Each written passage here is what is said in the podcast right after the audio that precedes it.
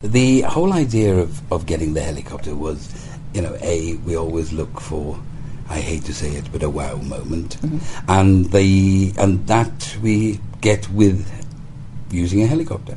We have enough room on the stage, and even though it is big and it is impressive, we have the space to do it. Mm-hmm. So, coming from that point of view, the point then is find a helicopter and make the effect work. And in this case, we were lucky to get a damaged chassis of a Bell Long Ranger. And we're now doing repairs and making cosmetic changes to it. So Father Christmas can arrive in a helicopter. Ek moet sê ek dink is ook net Janice wat dit kan regkry om 'n helikopter op die verhoog te hê. Nou die ander ding wat wat 'n eerste is, is dat daar by vanjaar se pantomime reuk betrokke gaan wees. Met ander woorde mense gaan iets kan ruik wat ek meen dis ongewoon vir teater. Behalwe die rookmasjien wat jy ruik, maar hoe hoe hoe pas dit in by die pantomime? It again, it's value for money. It's something new, something different, and the odorama, I think, goes back to, I think, the fifties and the sixties in movies, Mm.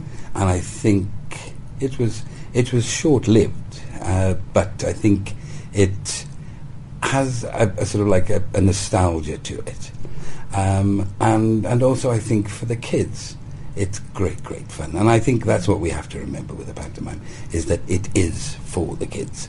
Janice presents it in such a way so that there are lots of different levels with regards to the humour and how the story goes forward, but it is mainly for the kids. And a scratch and sniff is a is a, a lo- lovely, lovely idea, mm-hmm. and you just got to not. You, and I think the joy is that you don't know what that smell is going to be next. Yeah. Whether it's going to be a delicious, creamy coconut pie, or whether it's going to be hook stinky socks. Enige ander groot uitdagings, dinge wat jy miskien in die aande slapelose nagte gee? Uh, the flying is always uh, a concern, in so much of the fact that at one point you have four actors all suspended above the stage, all at the same time, all moving at different speeds and interacting with each other. You know, I mean, it's done to you know, the utmost safety, and there is no danger at all.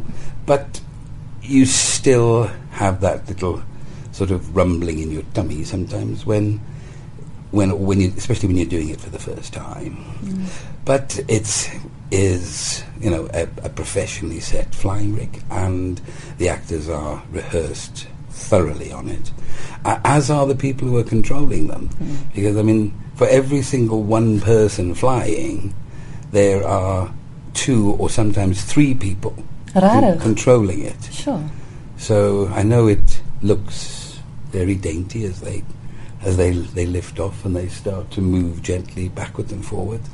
But there are three people running their bum off at the back there, sort of like in getting them to gently go across and go up and down and to spin. Uh, so it's it's just another item. It's, and and you know when when you think about it, it's the, the, that big one with the four. It's only like a two two and a half minute section of the show, but uh, it looks beautiful and it will. It's magical.